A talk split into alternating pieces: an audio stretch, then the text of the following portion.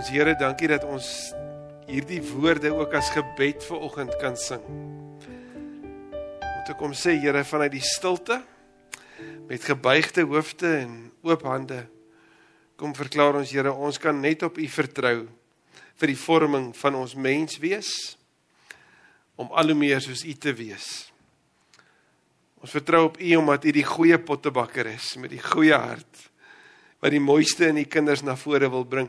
Wat in ons wil na vore bring wat U verteenwoordig in 'n 'n wêreld wat so nodig het om dit te sien. Nie daaroor te hoor nie, maar om dit in aksie te sien. Om te kom sê dat ons op U vertrou, Here, is om opnuut te erken dat ons nie op onsself kan vertrou nie. U weet van al die pogings in die verlede wat ons al probeer het om te verander. Ons het al keuses gemaak, besluite gemaak en gesê maar vandag gaan ek gaan ek anders leef. Vandag gaan ek meer geduldig wees. Vandag gaan ek meer omgee vir ander mense en dan voordat ons onsself kan kry, dan was ons weer selfsugtig of kort af of het dit glad nie gewys wat ons daai oggend dalk besluit het nie. Here, ons kan dit nie uit ons eie uit doen nie. U weet dit en ons erken dit vandag. Soos daarom vra dat U vanuit U woord met ons sal praat. Dan bid ek Here dat dit nie net vir ons inligting of vir ons inligting sal wees nie, maar vir ons verandering, vir ons transformasie. Dis regtig meer en meer soos Jesus sal wees en dat U dit sal kom doen. Die Heilige Gees kom inspireer U woord opnuut vir oggend in ons lewens. Dat ons die ou bekende waarheid nie net sal aanhoor nie, maar dat ons daardeur aangegryp sal word dat ons deur u aangevuur sal word om wanneer ons hier uitgaan dit nie hier te los nie maar jy saam met ons te neem en gedurig van onsself te vra maar wat wil die Here hê moet ek daarmee maak? Kom doen dit asseblief. Ek bid dit in naam van Jesus ons Here. Amen. Amen. Die Lukas evangelie is 'n merkwaardige evangelie. Wanneer Lukas dit saamstel dan dan sal die historiese vir jou sê Dit is histories bewysbaar. Hulle erken dit ook as 'n geskiedkundige bron. Maar Lukas doen dit omdat hy 'n weldoener het. Die weldoener se naam is Theophilus wat ironies genoeg as jy dit uit die Grieks uit vertaal beteken die vriend van God. Theophilus was waarskynlik 'n Romein daai uit Rome uit wat meer wou weet oor die Christen geloof en meer wou weet oor die kerk en daarom word Lukas getaak om hierdie twee briewe wat jy eintlik as een kan lees te nie weet neer te pen. In die Lukas Evangelie sien ons dat in die eerste 9 hoofstukke word daar baie vertel van Jesus se geboorte. Dit word eintlik in detail ehm um, beskryf ook meer as in die ander. En dan roep Jesus sy disippels, hy kondig die jubeljaar van van God aan, die goeie nuus. En dan wanneer Jesus tipografies op die verste plek weg is, dis ook die hoogste punt weg van Jerusalem af is. Vra hy dan hoofstuk 9 vir hulle: "Wie sê die mense is ek?" En dan sê hulle natuurlik 'n klomp antwoorde en dan draai en hy vra van hom maar wie sê julle is ek? Ek en jy ken mos nou die antwoord wat hy dan daar wat Petrus dan daar gee nê. U is die Christus. En mense sou dink Petrus, aha, jy het dit. Vertel dit vir die wêreld, maar Jesus sê bly stil. En dit klink vreemd. Maar die rede hoekom Jesus sê hy moet stil bly is om op daai oomblik het Petrus en die ander nog nie verstaan wat hierdie hierdie messiaskap van Jesus, die feit dat hy die gesalfde, die beloofde is. Die feit dat hy Jesus die redder is, wat sou dit beteken nie? En hulle sou eers later na die opstanding die volle volle boodskap daarvan begryp. Maar dan vanuit die hoogste punt weg van Jerusalem af, begin Jesus sy weg al hoe meer af, af, af tot in Jerusalem, ja, tot in die graf.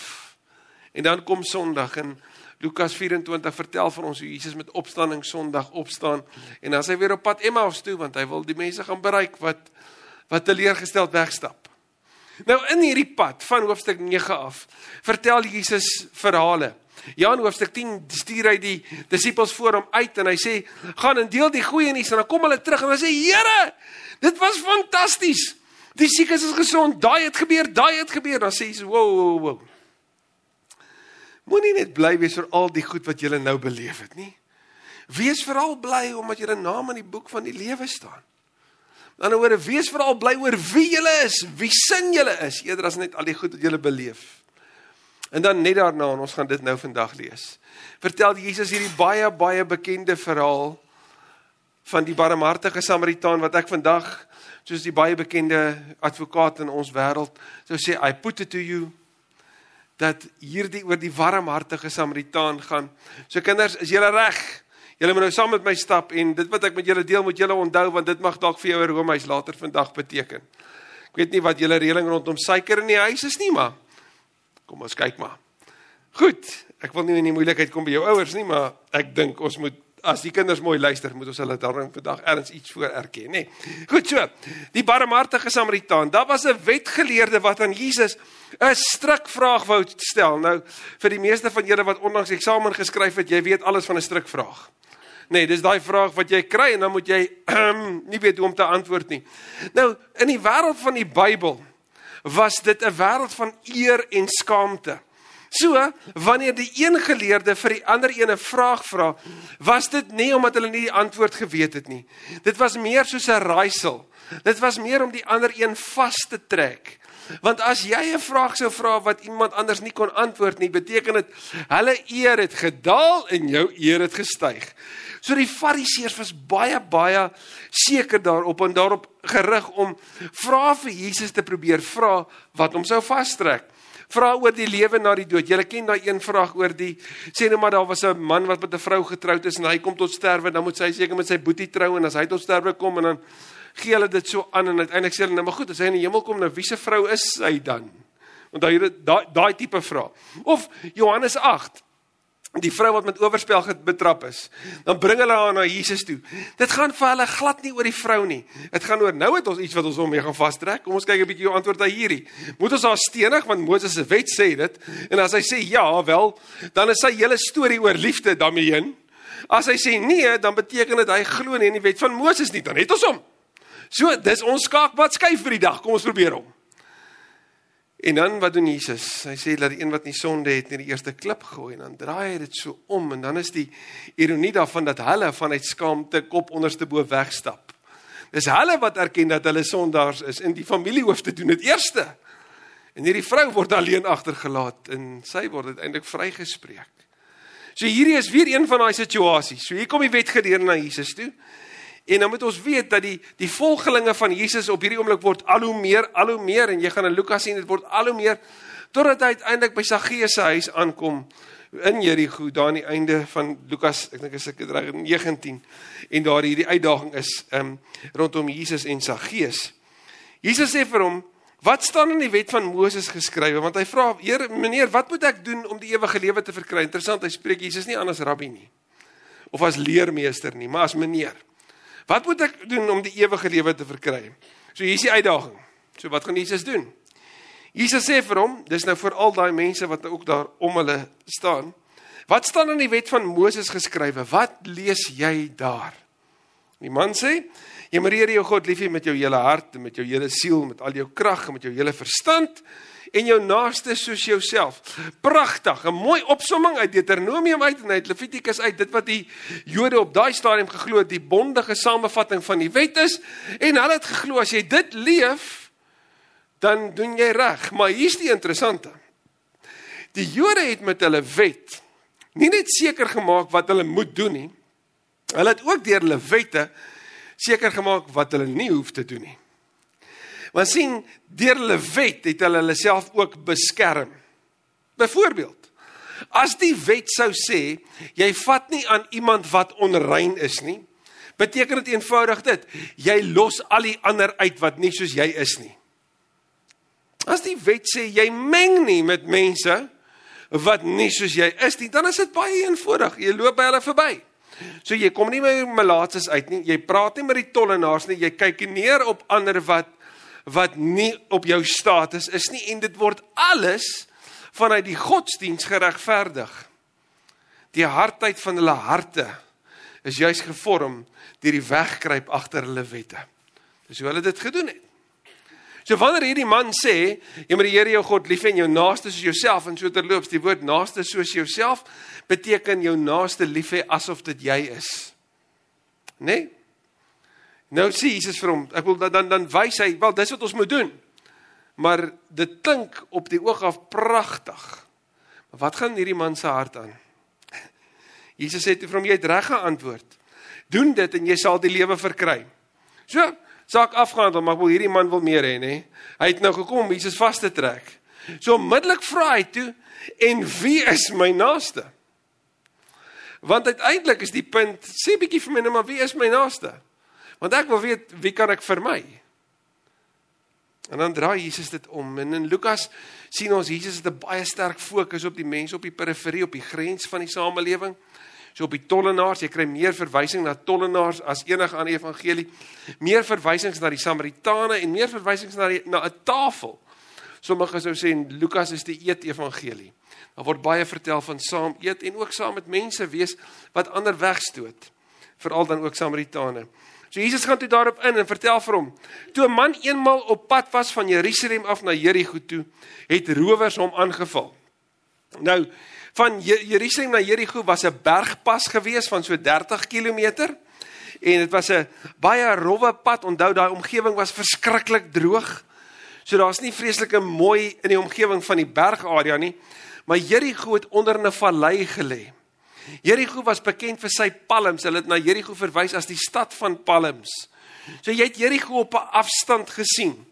En omdat daar palms was, was daar dadels so die ekonomie in Jerigo se wêreld was het gefloreer. Dit was regtig sterk geweest. Daarom het jy tolhuise daar gekry vir die Romeine om geld uit hulle uit te maak en dan het jy hooftollenaar gehad. Sy naam is Saggeus. Jy gaan hom later aantref in in die lees van Lukas. En die die in die wêreld van die Bybel het baie van die priesters en die leviete het eiendom in Jerigo besit. Want Jerigo was 'n baie welvarende gemeenskap en as jy ooit by eiendom besit, is dit die plek om dit te kry. En by Jerigo was daar ook bepaalde bloeisels wat aan 'n sekere boom gegroei het. So jy kon Jerigo op 'n afstand sien, want jy kon hom ook op 'n afstand ruik. Met ander woorde 'n idealistiese omgewing, 'n pragtige wêreld waar jy graag by sou wou wees. So hierdie man is op reis van Jerusalem na Jerigo toe. En wel as 'n reisiger, daar word nie gesê dat hy handel gaan dryf het nie, maar daar word wel gesê hy gaan reis. So hy wil gaan sien het wat in Jerigo aangaan. Waarskynlik welvarend. Nou is hy op hierdie bergpas, hierdie hierdie klein kronkelpaadjie word hy aangeval en beroof. Nou kinders, hier's die eerste een vir julle. Wat doen die rowers? Die rowers doen wat joune is, is myne. Wil julle gou saam met dit doen? Wat joune is, is myne. Ag kom probeer dit gou net eenetjie joune is is myne. Dis wat die rowers doen. Hulle vat al sy goed en daar staan, hulle het hom geslaan. Hulle het hom kaal uitgetrek en hom half dood laat lê en toe pad gegee. So daar lê die arme man sonder klere, sonder besittings, stikkend in seer en die rowers is weg. Dit gebeur toe dat 'n priester met daardie pad langskom en toe hy hom sien, gaan hy ver langs verby. Nou weet nie van jou nie, maar as ek lees ver langs, dan hoor ek in my in my gedagtegang die volgende. Hy seker so 50 meter omtrent ver wat hy verbygestap het. So hy het eers dalk daar iemand gesien, maar hy het gemaak wat ons baie keer hier maak. Jy kyk net voor jou. Maskers het dit nogal maklik gemaak. Nou dat die maskers af is, is 'n bietjie moeiliker. Nee, nou moet jy bietjie mense raak sien. Nee. So dis dis wat dit vir my sou sê maar wat die Grieks beskryf daar is nie ver langs met afstand nie. Dis hy het oor hom getrap sodat hy nie aan hom raak nie. En die rede hoekom hy oor hom getrap het, is onthou, hy kom van die tempel af in Jerusalem.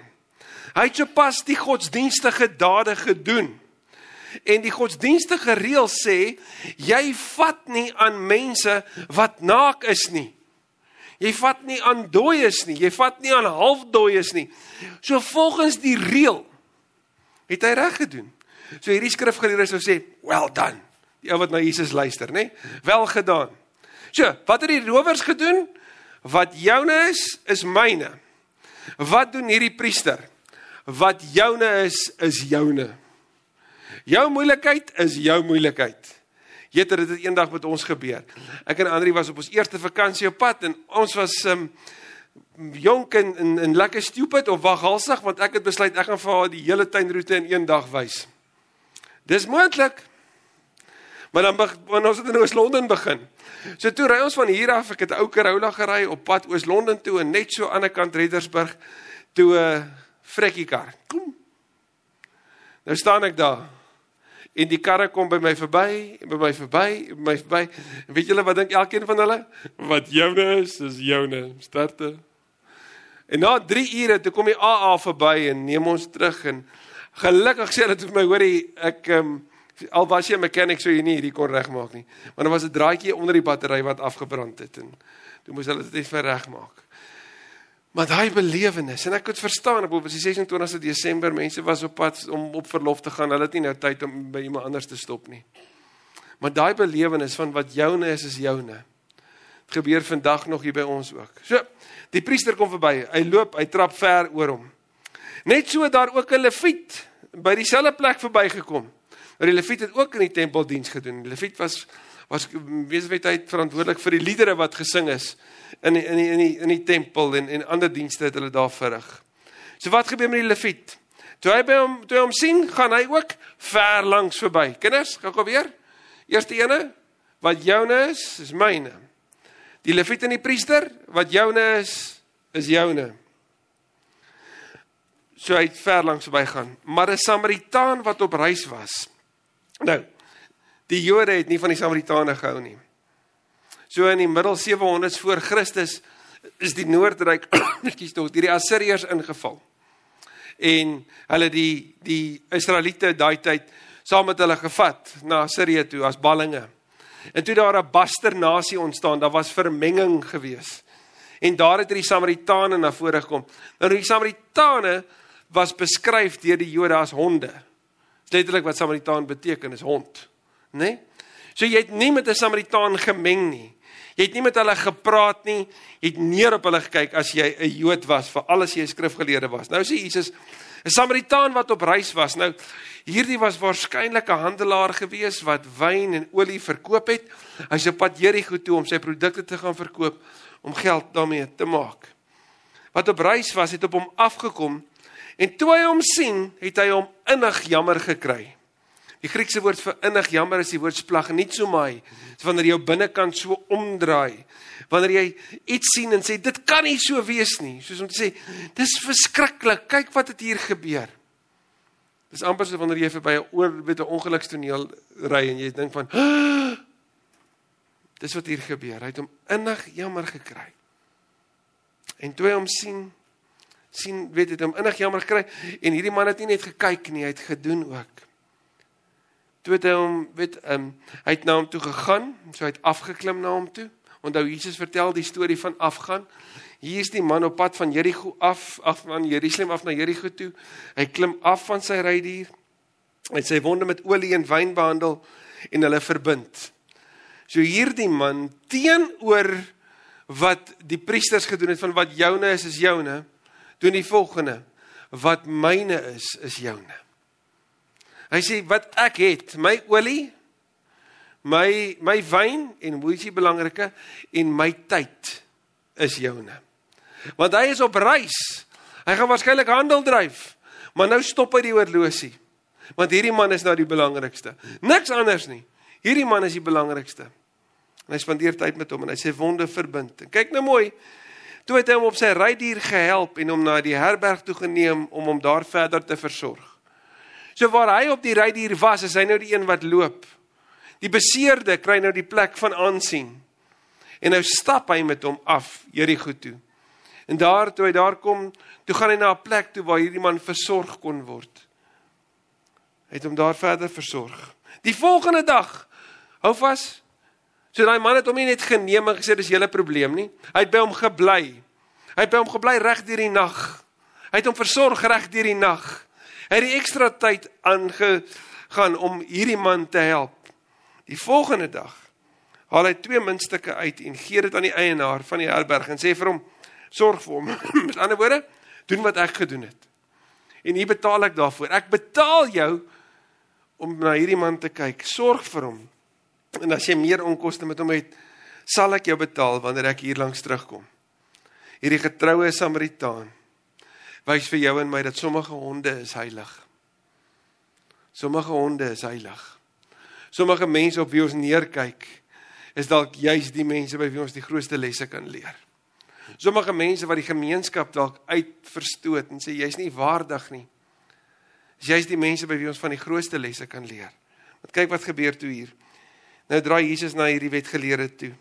En hy vra vir hom: "Wie van hierdie drie is volgens jou die naaste van hom wat onder die rowers verval het?"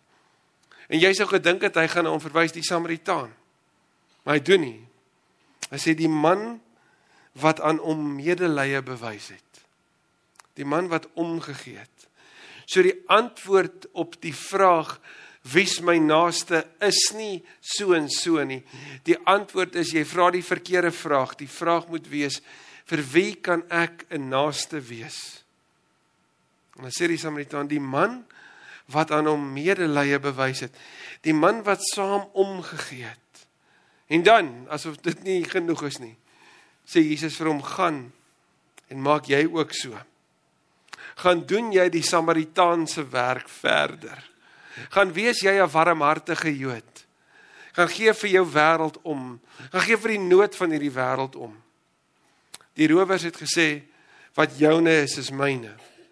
Die leviete en die priester wat joune is is joune. Die Samaritaan het gesê wat myne is is joune. So op sy pad af van Jerusalem na Jerigo toe. Maar Jesus is op pad af. Op hierdie plek is hy op pad af na Jerusalem toe om te gaan sterf. En wat leer hierdie storie vir ons oor Jesus?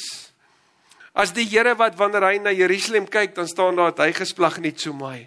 Hy het Jerusalem innig jammer gekry. Hy het gehuil oor hierdie stad. Ons sien by Jesus dat wanneer hy na ons kyk, dan sê hy nie wat joune is, is joune nie. Hy los ons nie met ons probleme nie. Hy sê nie, hoor jou 70000 sondes wat jy het, sterkte ek. Weet nie hoeveel offers gaan jy bring wanneer jy voor my Vader gaan staan nie. Nee. Hy los jou nie met jou vrae alleen eenkant nie. As staan hy's Immanuel, hy's by jou. Nee, wat kom doen hy? Hy sê wat joune is, is myne. Jou sonde Hy het dit op hom geneem. Die woord sê dit. Oor ons sonde is hy verbrysel. Hy het sy lewe gegee. En wanneer hy die prys daarvoor betaal, sê die Bybel, lestaai, dis volledig betaal. Hy het dit alles geneem. Jou skuld, jou jou teleurstellings, jou verwydering ver van God af, hy het dit alles weggevat. Dat ons naby hom kan wees. Wat joune is, is myne. Jou sonde, jou bekommernisse, jou onsekerheid, jou vertwyfeling, jou worsteling, is myne. Ek vat dit op my.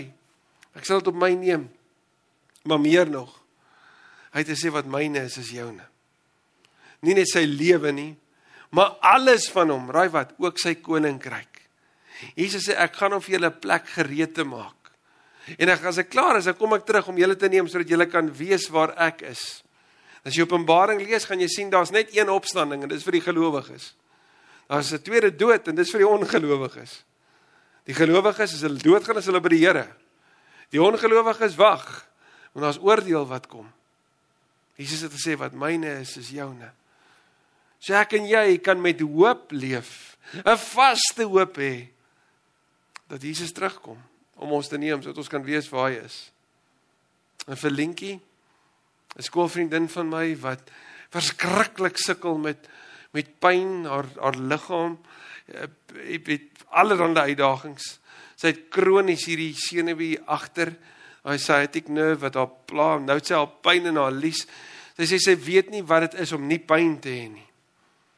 Sy sê en, en soms voel dit of sy in 'n in die middel van 'n baie baie groot woestyn is en die vraagtekens word al hoe groter in die eensaamheid vir haar al hoe meer Sy bly in 'n ouer huis want dis al wat sy hoogs weet versorg kan word. Die mense in haar lewe is is regtig op 'n afstand. En elke keer wanneer ek in sy gesels, seker so 3 keer 'n week, dan is Linkie die een wat my inspireer om vas te byt. Want Linkie sê al verstaan ek nie. Weet ek dat hierdie liggaam van my is maar 'n verslete tent. Maar ek gaan hom verlaat en ek gaan in die ewige heerlikheid saam met my Here wees, saam met die bruidegom wat vir my wag. So daai hoop wat Christus gee wanneer hy sê wat myne is is joune, is ook vir Lentjie in haar oomblikke van onsekerheid en worsteling kosbare hoop. Wat leer ons by hierdie Samaritaan? So baie. Dat die geleenthede vir jou en my baie is elke dag ons moet net ons oë oopmaak dat die dat die plek waar ek en jy teenwoordig kan wees regtig lewensbelangrik verander is. wat ek my tyd kan gee en ander dinge dalk op sy moet steek vir hierdie oomblik. Want weet jy wat kry ons dan? Stories. Stories. Stories van mense wat jou lewe kom impakteer het omdat jy dit gewaag het om te stop. En weet jy elke keer in my lewe wat ek dit gedoen het, as ek terugkyk, elke keer is ek die een wat ryker daar wegstap. Van die oomblik, die ontmoeting, daarin die vreemde, van die ongemak, ook daarvan het iets met my gebeur. Maar elke keer wat ek dit gemis het of verbygery het, het spyt saam met my kom kuier. En kon ek dit nooit teruggryp nie. Nooit teruggaan het kom regmaak nie. Dis verby, is vir altyd weg. Maar ons het vandag. En klaagliedere 3 sê God se genade is vars en nie elke oggend. So kom ons gryp hierdie dag aan. Kom ons gaan nie verby nood en geleenthede om 'n verskil te maak, om hoop te bring, om tyd op sy te sit vir ander. En en sê die woorde wat joune is, is joune nie. Kom ons sê nee, wag, wag, wag. Wat myne is, is joune. Hier's my tyd, hier's my aandag. En waar ons kan, kom ons deel in ander se pyn. Kom ons maak dit ligter. Deur las ligter te maak beteken om saam met hulle in hierdie juk te kom hang sê hoe help ek dra? Wat joune is is myne. Kom ons wees daai warmhartige Samaritaan want Jesus se opdrag was gaan en maak jy ook so. Amen. Kom ons bid saam. Here dankie vir u woord. Dankie Here dat dit so vars en nuut is. Dit voel asof dit vandag geskryf is, vandag gesê is. Maar dit beskryf ook ons wêreld. Jy weet Vader hoe ons van tyd tot tyd blokke om nood ry sodat ons nie daarmee gekonfronteer word nie. Jy weet hoe ons goed uitstel en uitstel en uitstel en sê môre sal ek, môre sal ek. En dan nooit werklik by die nood uitkom nie. Nood wat U deur die Gees in in ons elkeen se harte uniek gerig tot 'n spesifieke situasie plaas Nee wat ons soms wakker laat lê. En dan vermy ons dit liewer. En ons regverdig dit, soos daai refiet en daai priester ook mag gedoen het. Jammer vir al die kansse wat ons al gehad het, geleenthede om 'n verskil te maak wat ons gemis het. Ons bely dit. Ons bely Here dat dit verspeelde kansse is. Verspil uit ons hande uit. So vandag dit kom bely en kom vra vergewe ons Here vergewe ons. Maar dankie dat U genadig is en dat U ook in hierdie dag vir ons nuwe geleenthede gun en gee. Geleenthede om gevorm te word soos die pot deur die pottebakker. Geleenthede om 'n verskil te maak en om te kan deel in U genesing van 'n stikkende wêreld. Help ons om daarom op te hou verskonings maak. Op te hou om ander planne te maak sodat ons nie ongemaklik hoef te voel nie. Help ons om te stop. Te kyk, te voel en te doen. Soos die Samaritaan vir ons wys. Help ons om te leer by daai mense, Here, wat wat ander dalk as honde beskryf. Om hulle voorbeeld te volg. Geïnspireerd te wees daarin en dat ons voorbeeld ander weer sal inspireer om dit ook te doen. Dankie dat u u hart vir ons brand dat U afgekom het en onder ons kom woon het. Een van ons kom word het en ja, U lewe so gegee het, volledig gegee het aan die kruis. Sodat ons kinders van die lewende Vader kan wees. Ons eer U. En ons bely, kom lei ons, Here. Want ons wil vandag verklaar als vir Jesus. Als vir Jesus, dit gaan net oor U. Oor dit daarom ook vandag in Jesus se naam. Amen.